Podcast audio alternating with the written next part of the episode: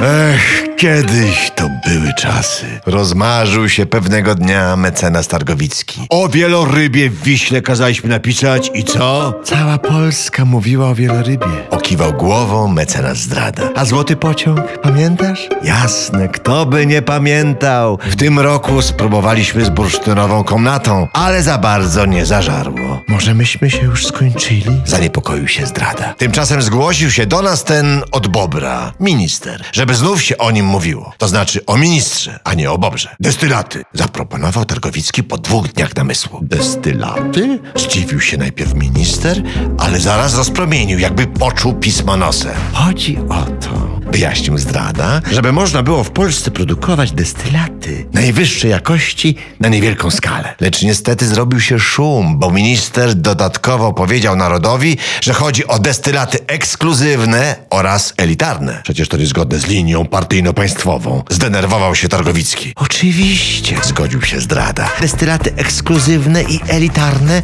to sobie mogą popijać w wieżowcach w Warszawie. I to ci, którzy do szwedzkich sklepów chodzą na promocję. Chyba, że... Zastanowił się Targowicki. Chyba, że uznamy, że to właśnie destylat z ziemniaka jest ekskluzywny i par excellence elitarny. Co mówiąc, wlał sobie w gardło stakańczyk takiego ziemniaczanego destylatu. I nawet się nie skrzywił. Więc ostatecznie tak to powinno wyglądać, że każdy będzie mógł sobie destylować to, co dobre i polskie, ekskluzywne i elitarne. Bo ze śliwek, drogie dzieci, to się robi kompoty.